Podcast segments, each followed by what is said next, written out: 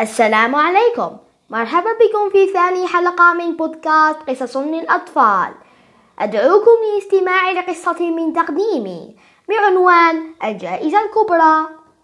لما قربت عطلة الصيف أرسلت سلمى رسالة إلى ابن خالتها مصطفى الذي يسكن المدينة لزيارة قريتها. تشوق مصطفى لهذه الرحلة وأخذ يعد ما بقي من أيام الدراسة. فما إن جاءت العطلة حتى قصد المحطة وركب الحافلة. بينما كانت الحافلة تسير كان مصطفى يتمتع بمناظر الطبيعة الجميلة. فالأشجار تتمايل والأزهار تتراقص والحيوانات ترتع والطيور تحلق. ما كاد مصطفى ينزل من الحافلة حتى استقبلته سلمى وأفراد أسرتها مسلمين مرحبين. ثم ساروا كلهم إلى البيت يتحدثون. بعدما أخذ مصطفى نصيبا من الراحة تناول شهي الطعام ثم خرج من البيت صحبة ابنة خالته لزيارة القرية. فكان يسير في الشوارع النظيفة ويتأمل البنايات الناصعة فهنا الجامع وهناك المدرسة وهنالك المستوصف ومركز البريد.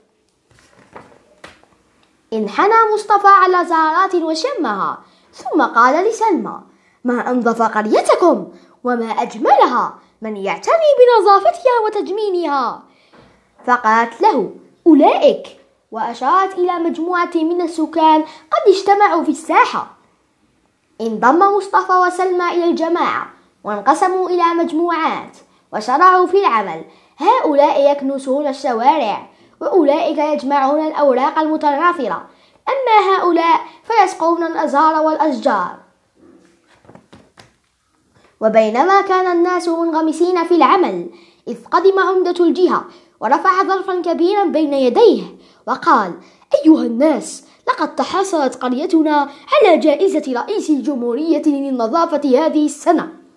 فكاد الحاضرون يطيرون لشدة الفرح. وعبروا عن استعدادهم لمضاعفة نشاطهم. أتمنى أن تكون هذه القصة قد نالت إعجابكم. لا تنسوا الاشتراك ليصلكم كل جديد.